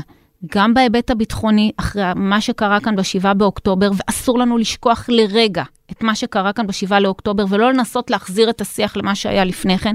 ככל שזה תלוי בי, זה מה שאני אעשה. אבל הצד השני כל הזמן עושה את זה, הוא חוזר לאותו שיח. להביא את הבנות והבנים הביתה. אני לא יכולה לקחת אחריות על מי שמשסה ומבקש להשתמש בשיח כזה או אבל אחר. אבל חברת לצד הזה. חברנו כדי למתן. את מרגישה שזה אכן איזן? אני חושבת שכן, אנחנו מצליחים קצת לאזן, או לפחות להרגיע בקולות, כי בוא תדמיין לך מציאות אחרת, שאנחנו לא סביב השולחן. איזה קולות היית שומע? שעכשיו רבים... נלך לכיוון של בן גביר, היה מקבל כן, את ההחלטות והיה יותר גרוע. הם היו רבים בינם לבין עצמם, מתחרים מי יותר קיצוני, הרי ראינו מה קרה כאן. שגם עכשיו הם עושים את זה. ראינו מה קרה כאן, לפני הטבח הנורא. ולכן היה חשוב שאנחנו ניכנס, ואני אגיד לך שוב, אני חושבת שגם חשוב שלפיד ייכנס, ואני חושבת שחשוב שליברמן ייכנס, ואני חושבת שחשוב שישמעו את הקולות שלנו, של האנשים, שמביאים משהו שהוא אחר, יותר מאוזן, יותר מתון, רואים מדינה, ולא הקולות הקיצוניים שהובילו את המדינה במשך החודשים שקדמו אה, לאירוע באוקטובר. כל מי שחושב שאם אנחנו מחר נצא מהממשלה, אז יהיו בחירות, אתה יודע, זה wishful thinking, אין בזה משהו שהוא אמיתי. להפך, זה יכול לאחד אולי את כל ה-64 אצבעות מחדש, ואני לא בטוחה שאתה היית רוצה שבעת הקשה הזו, הם אלה שינהלו את המדינה לבד. אבל אי אפשר לדפוק על השולחן ולהגיד לנתניהו, אנחנו נשארים איתך, אבל בתמורה לזה, עוד שנה יהיה בחירות. גם את יכולה להסכים לזה. אגב, התחלנו, נתתי, התחלתי לתת תרחישים, תוך כדי התגלגלנו לשיחה, אז אמרתי, אי אמון קונסטרוקטיבי היה התרחיש הכי אופטימלי. גם לא ריאלי כרגע? יפה, הוא לא ריאלי. בשביל שיהיה תאריך אה, בחירות מוסכם, אז גורם אחר צריך, כאילו, גורם חיצוני לי, צריך להסכים שיהיה אה, תאריך בחירות, הלוואי שהיינו יכולים אה, לעשות את זה. לא בטוח שזה יקרה, ואני לא רוצה להיות נתונה לחסדיו של אה, אף אחד. אני רוצה להסתכל בעיניים ריאליות. בסוף, יש לנו מציאות ויש לנו נתונים, ואיתם אנחנו צריכים לעבוד, אוקיי? אני כל הזמן, אני משווה את זה למשחק קלפים, למרות שמחר לא שיחקתי פוקר, אבל בוא נלך לרמי. בסדר, אתה יודע לשחק עם הקלפים שיש לך, לא עם מה אולי יצא לך בקופה. ואני, אין לי זמן להמר על מדינת ישראל, אין לנו זמן. קודם כל ראש הממשלה הקשיב לי עקרונית, ואל מול אה, טענות אה, של אה, גורמי ביטחון אחרים שאמרו לא יהיו הגבלות, אין צורך בהגבלות, ראש הממשלה קיבל את עמדתי, את עמדת המשטרה, שחייבת, חייבים להיות הגבלות, וטוב שכך. אנחנו רואים את בן גביר מהמר מאוד טוב על הקלפים שלו, כל מה שהוא רוצה משיג. גם החלטה לגבי הר הבית ברמדאן, גנץ אמר משהו אחד, בן גביר אמר משהו אחר, אז הלכו לפי בן גביר. ואתה הולך לפי ההדלפות של בן גביר, שאגב, אין הרבה קשר בין מה שהוא הדליף לבין מה שקרה בחדר, צריך גם להגיד את זה. זה מה שהוא רצה, הוא רצה את הכותרת. הוא מדבר לבייס, ובסוף יש פה מדינה שמתנהלת. אגב, אתה רק מחדד את מה שאני אומרת, כמה חשוב ונכון שיצטרפו עוד קולות כמונו לתוך הממשלה, כמה חשוב שלפיד וליברמן ייכנסו וינטרלו עוד יותר את הקולות הקיצוניים האלה, שהיום מקבלים במה, אתה יודע, בגלל הקונסטלציה הפוליטית. אני חושבת שבסוף הקול שלנו נשמע. מה שיתקבל זה שיהיה חופש פולחן, אנחנו נשמר את חופש הפולחן, יהיו מגבלות שמתייחסות להיבטים ביטחוניים, שידונו עליהם, אפילו לא קיבלו עדיין את המגבלות, כך שכל מה שיצא על ידי בן גביר, שוב, זה הוא ספין. הוא קיבל כותרת. שלו. יופי, אבל בסוף לא מנהלים מדינה בכותרות. אבל יש איזה קו אדום שיגרום לך להגיד, אני לא נשארת שם? כן. שמה? ברגע שאני ארגיש שאנחנו, שהקול שלנו... אבל זה קצת אמורפי, את תוכלי לא, להגיד לא, את זה, לא גם עוד חודשיים. לא, לא, לא, זה לא אמורפי, כי בסוף אתה יודע מתי הקול שלך נשמע, מתי אתה אומר משהו, ואחר כך אני רואה בהתייחסות, גם בשיח של ראש הממשלה, גם בדברים שיוצאים החוצה. אבל זה לא הרגשה של כלי שימושי, שהוא משתמש בכם כל עוד הוא צריך אתכם, כשהוא יחליט שהוא פחות צריך אתכם, אז יאללה ביי. כל עוד שאני יכולה לתרום למדינת ישראל, אני אעשה את זה, בלי שיקול של מה מישהו אחר חושב שהוא משתמש בי או לא משתמש בי. כן, אני כאן נטו בשביל מדינת ישראל. אם אני אצטרך לשלם על זה מחיר פוליטי, אני אשלם על זה מחיר פוליטי, אבל אני יודעת שאני עושה את הדבר הנכון בנקודת זמן הזו שאנחנו נמצאים. לא, אבל עד מתי? באמת, יכול להיות שהדבר הנכון למדינת ישראל, שראש המפלגה שלך בעוד חצי שנה יהיה ראש ממשלה. יכול להיות שלא, אבל כל עוד לא קורה משהו אחר, אז בנימין נתניהו, עוד שנתיים, עוד שלוש, כמו שהוא אומר, יש בחירות, אז הוא יישאר עד אז ראש ממשלה. וזה לא הדבר הנכון למדינת ישראל, כמו שאת אמרת קודם. אז אני אקח דווקא את הדברים שלך, ואתה אמרת, אולי אנחנו נצא ועוד חצי שנה יהיו בחירות, או אולי לא יהיו בחירות. אני לא מהמרת על מדינת ישראל, שמרתי את זה בצורה מאוד מאוד ברורה. למה זה הימור אבל? כי אני לא הולכת עכשיו על איזשהו תרחיש שאולי יקרה. יש לי פה דברים שאני צריכה אותם לא באולי. אני צריכה להביא את הבנות והבנים הביתה, להחזיר את החטופים, נקודה. לא להגיד, אני אצא לחצי שנה, אבל אולי אני בכלל לא אראה אותם. לא מהמרת עליהם. אני לא מהמרת על הביטחון של מדינת ישראל. יש פה הרבה גורמים בינלאומיים, אגב, גם ידידים טובים של ישראל, שחושבים אולי שהרעיון של מדינה פלסטינית עכשיו, איזשהו פרס על מה שקרה כאן, זה הדבר הנכון. מדינת ישראל לא יכולה להרשות את זה לעצמה, אנחנו צריכים לעמוד כולנו כחומה בצורה. ולכן אני לא הולכת על האם ואולי, ואני לא הולכת למקום שהמהמר, אני הולכת על המקום הבטוח. והמקום הבטוח של מדינת ישראל היום, זה שכל הקולות הפוליטיים, המתונים, שיכולים לאזן את התמונה, ייכנסו ביחד, יעשו פה ממשלת שיקום עם השותפים, כן, לא האידיאליים, לא מי שאנחנו בחרנו, לא מי שאנחנו היינו רוצים שיהיה שם, אבל זאת המציאות כרגע, ונעשה את מה שבטוח ונכון למדינת ישראל. אבל המעמד של ישראל לא הולך ונהיה יותר גרוע, למשל הסנקציות שהאמריקאים הטילו נגד המתנחלים, אנחנו רואים גם uh, לחץ בינלאומי להגיע להפסקת אש, החלטת או"ם שאולי תתקבל, שתקרא לישראל להגיע להפסקת אש, בית המשפט הבינלאומי בהאג. מצבנו לא נהיה יותר טוב uh, משמעותית מ-7 באוקטובר. אז אני עודכנתי, אני לא יודעת מה איתך, אבל uh, בית הדין בהאג לא הגיע להחלטה על הפסקת אש, והוא גם אמר שהוא לא ייתן סעדים נוספים לסעדים שהוא נתן, אז בוא... היה לא מעט uh, הצ... הצעדים נגד דברים ישראל. דברים שאנחנו עומדים בהם, להתנהל לפי הדין הבינלאומי ולדאוג לזה, בוא, לא היינו צריכים את בית הדין בהאג בשביל לעשות את זה. אם הפוליטיקאים היו סותמים את הפה, אז יכול להיות שלא היה את זה, אגב. צודק, צודק, אגב. ואני אומרת את זה לאורך כל הדרך, כמה שפחות לדבר ויותר לעשות. זה לא רק העניין של ההדלפות, זה גם באולפנים ובכלל. לא, בעיניי לא מנהלים ככה מלחמה, בטח לא בצורה אופטימלית. אבל אני יכולה לשלוט על עצמי, אני פחות יכולה לשלוט על אחרים, אני יכולה לעשות את הכי טוב כדי למזער את הנזק של האחרים, וזה מה שאנחנו עושים היום. ואגב, זה רק ממחיש מה החשיבות של הנוכחות שלנו בתוך הממשלה, כדי לאזן את כל הכוחות הקיצוניים האלה, כי בסוף מסתכלים על זה שאנחנו שם כממשלת חירום, מאוחדים, זה נותן איזושהי תקווה גם לאנשים בחוץ, אני אומרת לך את זה מידיעה ולא מניתוח. עלה תאנה כזה. אנחנו לא עלה תאנה, אלא אנחנו קול מאוד משמעותי בממשלה, שעוזר לנו גם מול הזירה הבינלאומית. זה חשוב מאוד. אז זה הסיפור של בית הדין בהאג. אנחנו רואים את uh, ארצות הברית שגם עומדת לצידנו, גם בימים האלה, עם כל הראשים שאנחנו שומעים uh, בחוץ. uh, לא מדברת על הפסקת אש, מבינה את האינטרס הביטחוני של מדינת ישראל, הטילה שוב וטו uh, באו"ם. אבל אומרת רפיח לא, או מאוד מאוד תיזהרו, uh, הסנקציות על המתנחלים שהגיעו, דיבור על אולי הפסקת uh, משלוחי הנשק. בסוף גם ארצות הברית כידידה טובה שלנו, שאגב, באמת, אנחנו ידענו תמיד שהיא ידידת אמת של מדינת ישראל, אני חושבת שבמלחמה הזו זה קיבל עוצמות שאנחנו לא הכרנו, אבל גם היא יודעת שבסוף אנחנו צריכים לדאוג לאינטרס הביטחוני של אזרחי מדינת ישראל, כי אנחנו אלה שחיים כאן בתוך השכונה המאוד מורכבת הזו.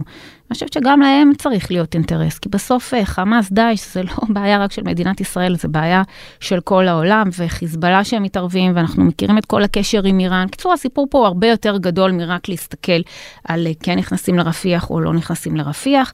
בסיפור של רפיח, שוב, כל מה שמטריד את העולם זה שבאמת תהיה פה, תהיה פה פעולה ששומרת על הדין הבינלאומי. לא צריך להגיד את זה לישראל כל רגע, שאנחנו הצבא הכי מוסרי עם כל מה שעברנו. למרות 30 אלף הרוגים פלסטינים. עם כל מה שאנחנו עברנו, אנחנו עדיין אה, באמת שומרים על כל כללי הדין הבינלאומי, אנחנו נמשיך לעשות את זה, ואנחנו נמשיך לדאוג לאינטרס הביטחוני של מדינת ישראל. ואם צריך להיכנס לרפיח, כי לא יחזירו לנו את הבנות והבנים הביתה במתווה לפני הרמדאן, אנחנו נעשה את זה.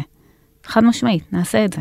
והדיון על היום שאחרי שלא קורה, את יכולה להסביר לנו למה זה לא קורה? אז קודם כל היו שני דיונים, דווקא מאוד טובים, לגבי היום שאחרי. אחרי היום... כמעט ארבעה חודשים. אפשר להגיד באיחור, לא באיחור, אנחנו אמרנו ואנחנו גם לחצנו על זה שיהיה דיון, כי אני באמת מאמינה, כמו גם הצבא אגב, שלהבין מה יהיה ביום שאחרי מאוד עוזר לנו גם בתהליך הלחימה עכשיו, כן. ולכן זה מתקדם, אני יודעת שהיום יש מסמך שראש הממשלה אמור להביא, שקצת אוסף את כל מה שאנחנו העלינו בשני הדיונים שהיו. ומשם אנחנו נוכל גם להגיע לאיזושהי החלטה קובעת לגבי הנושא של היום שאחרי. צריך להבין, תהיה אבל... תהיה החלטה, הממשלה הזאת תוכל להסכים עליה? אני מאוד מקווה, אני, אני אומר לך.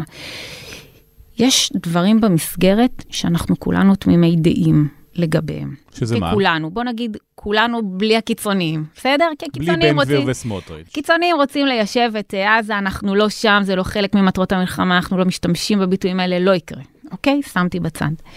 בסוף אנחנו צריכים להבין אה, איפה כן אנחנו מסכימים. אנחנו מסכימים לזה שאנחנו חייבים חופש פעולה אה, צבאי, כמו שיש היום אה, ביו"ש, כי בסוף רק אנחנו יכולים, וזה הוכח שרק אנחנו יכולים לדאוג לביטחון שלנו.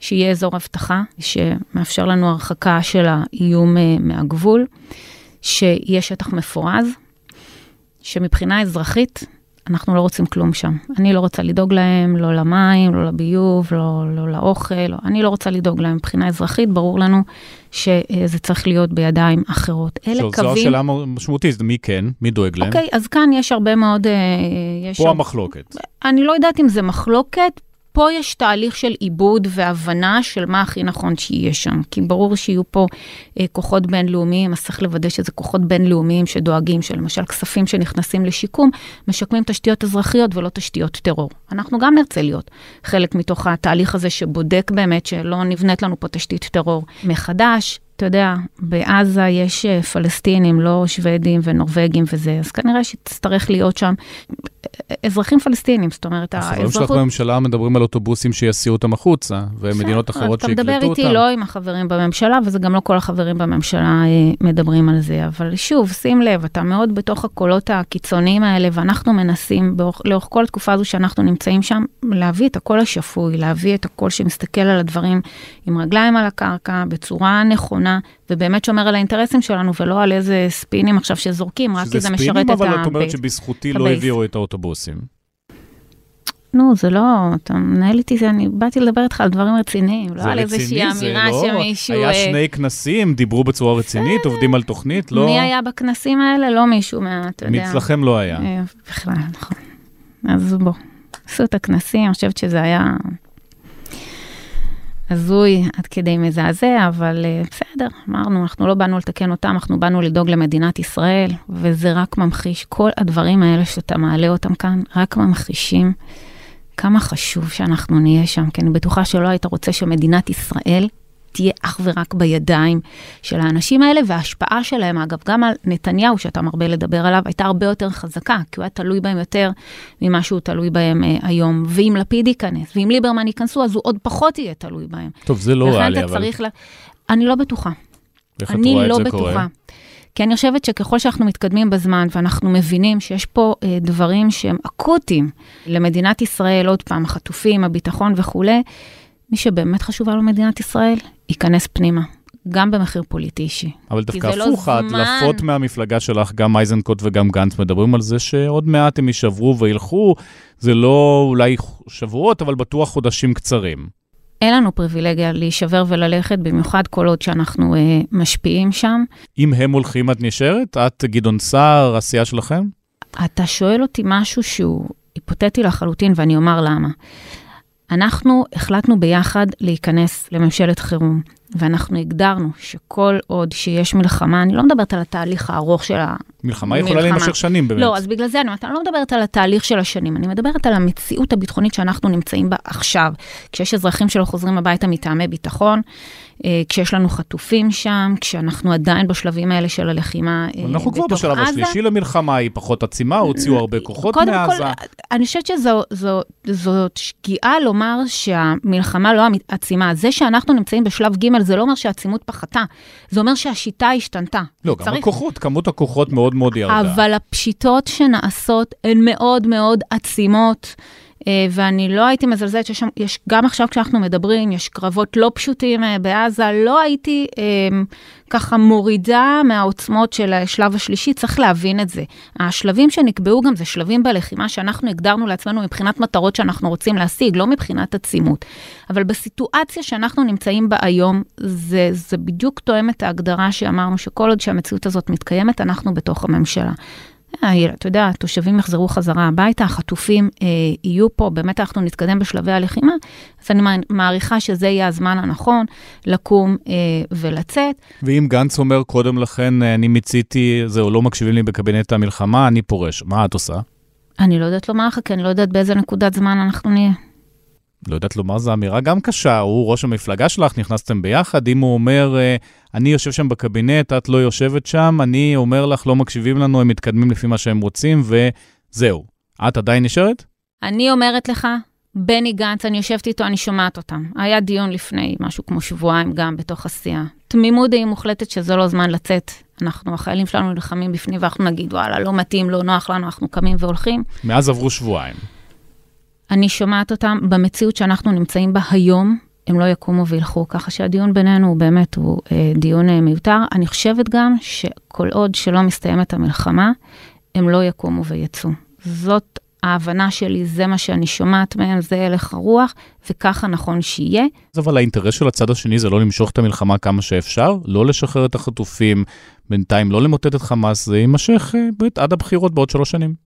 אתה אומר, הצד השני, אתה מתכוון לחלקים האחרים בממשלה, כן. כי אנחנו אומרים כולנו להיות כן, כן. פחות או יותר באותו צד, הם לא יכולים לקבל החלטות שהן בניגוד למה שאנחנו... אה, הם יכולים למשוך זמן. לפחות, הם לא יכולים למשוך זמן, בסוף יש פה צבא, יש פה גורמי מקצוע, אנחנו מתנהלים לפי uh, מערך uh, מקצועי, רציני, ענייני, לא, הם לא יושבים שם לבד בחדר, יש שב"כ, יש מוסד, אבל יש כאילו, צעד, יכול להיות שבתוך החדר אותנו. זה באמת מאוד רציני, מאוד ענייני, אבל uh, מסיבות עיתונאים אפילו, רק ראש הממשלה מופיע, כי גם uh, גלנט וגם גנץ לא מוכנים לעמוד לידו. במסיבות עיתונאים הוא מתחיל לטנף על יושבי האולפנים ועל כל אחד אחר, ולא לוקח שום אחריות. אז כלפי הציבור, זה לא נראה רציני. אז uh, אני לא איתך שם בחדר, אז יכול להיות שבאמת uh, דברים נראים אחרת, אבל אז מגיע הדיווח על מירי רגב והפופקורן, אז uh, זה לא נראה משהו. אגב, אם אתה כל כך רוצה לדבר על מירי רגב, למרות שאני לא נוטה לדבר על אנשים, אבל תראה למה נתפסתם, שזה קצת קשה לי בתוך השיח. לפופקורן שהיא הוציאה באמצע דיון, אוקיי? באמצע. היה שתיים וחצי, רבע לשלוש בבוקר, שנבין רגע את הפרופורציות. היה סיפור הרבה יותר חמור בעיניי, וזה ההשתלחות שהייתה באחד הדיונים ברמטכ"ל. שגם זה היה מכוון, רגע, ואחר כך נכון, גם נתניהו אם... אמר לאותו, נכון. לאותה רגב, עשית את שלך כל הכבוד. ואני מעלה את זה בכוונה, כדי שאתה תבין, לא בגלל מירי או משהו, כי אני באמת לא נוטה לדבר על אנשים, אלא שאתה תבין את המשמעות שלנו בתוך החדר. ברגע שהדבר הזה התחיל, יצא שרק חברי המחנה הממלכתי נעמדו כמו חומה בצורה כדי לעצור את השיח הזה. וגם עצרנו אותו, אוקיי? אז זה אולי הם יכול... הם קיבלו את הכותרת, הרמטכ"ל ספג מכה. אבל אני לא מתעסקת בכותרות. אתה, אתה מסתכל על איזה כותרת הם השיגו, זה לא מעניין אותי איזה כותרת הם משיגים. לא, מעניין אותי מה אני עושה. וגם מבחינת המוטיבציה של הרמטכ"ל במלחמה, זה לא נעים ללכת אה, כל הזמן לאותה ישיבה שנכנסים בך. שאתה יודע שיכול להיות שייכנסו בך היום, אולי מחר, וזה חלק מאותו משחק פוליטי שהפוליטיקאים מוציאים את זה בתוך אותו חדר. והוא גם יודע שיש פה קבוצה של אנשים רציניים, שיודעת לשמור על שיח ענייני, שיודעת לעמוד כמו חומה פצורה אל מול הצבא, כי בסוף זה לא שאני מגנה על הרמטכ"ל באופן אישי. תקיפה של הרמטכ"ל זה תקיפה של הצבא, זה תקיפה של החיילים שנלחמים היום בעזה. ואנחנו עומדים כמו חומה פצורה ומגנים על החיילים שלנו שם. ואז נתניהו מצייץ באמצע הלילה שהרמטכ"ל אשם. עשינו את זה, ואנחנו נמשיך לעשות את זה. ואני שוב אומרת לך, אני לא באתי עכשיו לא לתקן את נתניהו ולא לתת לו רשת ביטחון, וגם לא לחבורה האחרת. נתת לו רשת ביטחון. אנחנו באנו לתת רשת ביטחון למדינת ישראל בשעה הכי קשה שלה. זה מה שהיה נכון לעשות, זה מה שנכון לעשות גם עכשיו, ויהיה נכון שיצטרפו אלינו עוד כוחות שבאמת חשוב להם מדינת ישראל. כשאני נכנסתי לפוליטיקה לפני תשע שנים בערך, נכנסתי כי היה חשוב לי לעשות את השליחות, לעשות כל מה שאני יכולה לעשות למען מדינת ישראל. אני חושבת שבאף אחת מהתקופות שהיו בתשע שנים, זה לא היה כל כך משמעותי ונכון כמו שזה נכון בתקופה הזו. ואם בשביל זה אני הייתי צריכה להיות פה, אז אני נמצאת כאן, ואם אני אצטרך לשלם מחיר פוליטי, אני אשלם אותו באהבה. אבל אני יודעת שאני עשיתי את מה שצריך בשביל המדינה שלי. כיוצאת קריית שמונה, מה את אומרת על מה שקורה בצפון? קודם כל, כבת קריית שמונה, אל תוציא אותי מהעיר שלי לא גרה שם כבר. אני חמש שנים אה, גרה גם בזיכרון. למעשה, עד לפני המלחמה, אני כל סופי שבוע עושה בקריית שמונה, הבית שלי עדיין שם. תחושה קשה ממש. אני הייתי שם כל המלחמות, כל הילדות שלי, אתה יודע, עוד אה, לפני שהיו בכלל, אה, לא היו אזעקות. ו... אבל היו קטיושות כבר אז. היו קטיושות, אנחנו חיינו את זה, אנחנו הולכים לבית ספר, נופלים טילים, אתה רגע שנייה, באיזשהו שלב אתה כבר לא מתכופף, אתה מסתכל לראות איפה, ופשוט ממשיך ללכת לבית ספר, זאת הייתה השגרה שלנו. חודשים שלמים במקלטים, מלחמת לבנון השנייה שאני כבר עם אה, שני בנים ותינוקת, ו... והמציאות היום לראות עיר ריקה היא מציאות מאוד מאוד קשה. אני חושבת שהשוק הגדול היה בקרב התושבים בקריית שמונה, שזה בכלל קרה בדרום ולא אצלנו, כי שנים מכינים אותנו לתרחיש של פשיטה בגליל. זאת אומרת, גם כשהייתי סגנית ראש עיר, תחשוב, ב-2008, עוד אז דיברו איתנו על זה. זאת אומרת, כל הזמן היינו סביב התרחישים האלה, ופתאום הם קמים בבוקר וזה קורה שם. עכשיו, הדינמיקה של אנשי קריית שמונה היא שכשנופל טיל בשדרות הם נכנסים לממ"ד. אמיתי, לא בקלישה, כי תמיד זה נדמה שעוד רגע זה אצלנו. גרוע? כן, כי התחושה היא תמיד שעוד רגע זה אצלנו, כי אנחנו חווינו את זה כל השנים, וזאת הייתה התחושה גם אה, בבוקר יום שבת, שעוד שנייה גם, גם אליהם מגיעים. הם פליטים כבר ארבעה חודשים יותר, אה, גם המשפחה שלי. אה, שנמצאת מחוץ לבית, ההורים שלי, אחי שאומנם הוא בעזה, אבל המשפחה שלו אצלנו בזיכרון. לא לקנא בהם, ממש לא לקנא בהם, ואני חושבת שזה רק מחדד את הצורך שלנו לעשות הכל כדי להחזיר אותם הכי מהר הביתה, כי הפחד שלי הוא שאנחנו נאבד את חבל הארץ הזה, שהרבה אנשים פשוט יתחילו לבסס להם חיים בחוץ. אני שומעת על אנשים שהולכים ושוכרים דירות, על אנשים שכבר רשמו את הילדים לשנה הבאה אה, לבית הספר, כל פעם כשזה קורה זה נורא ככה מכווץ את הלב. אה, ולכן אני מאוד מקווה שאנחנו נגיע לאיזשהו הסדר מדיני, או אנחנו נסגור את הסיפור הזה בצפון, נחזיר את האנשים כמה שיותר הביתה. זה ריאלי בפרק הזמן הקרוב? אתה יודע, דינמיקה של אה, מלחמה, אני יכולה להגיד לך שאנחנו עושים הכל. קודם כל, אנחנו כן בלחימה בצפון, צריך לדעת את זה. אם בהתחלה אמרנו שאנחנו נהיה במתקפה בדרום ובהגנה בצפון, אז היום אנחנו גם התקפיים אה, בצפון, אנחנו מאוד במסגרת עובדים. במסגרת הכללים. יש גבולות גזרה לשני הצדדים. כן, זה במסגרת אותו היגיון, אה, אם אתה רוצה שנקרא לזה אה, ככה, אבל יש עצימות ויש אה, עליות מדרגה, ובמקביל אנחנו כל הזמן מנסים למצות את הערוץ המדיני, כי גם בוא נגיד את האמת, מה שלא יקרה ואיך שזה לא יתפתח, בסוף זה יגיע לעניין המדיני, אז אנחנו מנסים למצות אותו כבר עכשיו. אם יהיה מתווה של חטופים, שאני ממש ממש ממש ממש מקווה שזה יקרה אה, בקרוב, אז גם זה יכול לפתוח פתח להגיע שם לאיזשהו הסדר, אנחנו לא נחים. כי הפסקת אש בדרום תשפיע גם על הצפון בעצם. לא כי הם יהיו בהפסקת אש, אלא כי אנחנו רוצים לנסות ולמצות את העניין המדיני אה, בתקופה כזו. אה, אני מאוד מקווה שגם נצליח לעשות את זה כמה שנצליח להחזיר את התושבים מהר יותר הביתה, אני חושבת שכולם אה, ירוויחו, אבל זאת, צריך לזכור שזאת רק נקודת הפתיחה, ולא סוף סיפור. כי אם מדינת ישראל לא תתייחס לחיזוק הצפון כאל אינטרס לאומי ותחזק אותם שם, אנחנו נאבד את רצועת הביטחון האנושית שלנו. וצריך לזכור את זה, חשוב שתהיה שם אוכלוסייה חזקה, חשוב שיהיו שם עוגנים כלכליים של התפתחות. זה הניצחון שלנו על חיזבאללה, וזה מה שאנחנו חייבים לתושבים שם אחרי כל כך הרבה שנים. סדר עדיפויות זה לא רק התנחלויות של הממשלה הנוכחית? לא סדר עדיפויות של הממשלה, לא שלי, לא של חבריי. של שר האוצר שמדבר על זה בצורה לא, ברורה? לא, הוא מביא, אנחנו לא רואים פה, אתה יודע. בסוף תסתכל על זה במבחן המציאות, ואתה מחזיר אותי שוב פעם לאותה נקודה. בסוף. זה פוליטיקה ואידיאולוגיה. את רוצה לחזק את uh, קריית שמונה, הוא רוצה לחזק את אביתר. קודם כל, אני רוצה לחזק את קריית שמונה, כי אני חושבת שזה צריך להיות אינטרס לאומי לחזק את קריית שמונה ולחזק את הדרום. זאת התשובה הראשונה שלנו לאויבים שלנו. אומר, זה אינטרס לאומי לחזק את ההתנחלויות. ואני רק אמרתי, שזה מחזיר אותי לנקודה שאמרתי לאורך כל הרעיון, שצריך כאן ממשלה רחבה, מתונה, ש... אתה יודע, קצת אה, מעמעמת את השוליים הקיצוניים ומאפשרת למדינת ישראל לעשות את מה שנכון לה. ומה שנכון למדינת ישראל זה לחזק את הגבול הצפוני. כי אם לא יהיה גבול צפוני, תהיה לנו רצועת ביטחון בתוך מדינת ישראל, ואז הגבול יהפוך להיות אה, חיפה וכל האזורים שם. אז לחזק את קריית שמונה זה לא רק אינטרס שלי כבת קריית שמונה, אלא אני חושבת שזה אינטרס של מדינה שלמה, ויהיה נכון שיעשו את זה. יפעת שאשא ביטון, תודה רבה. תודה רבה לך.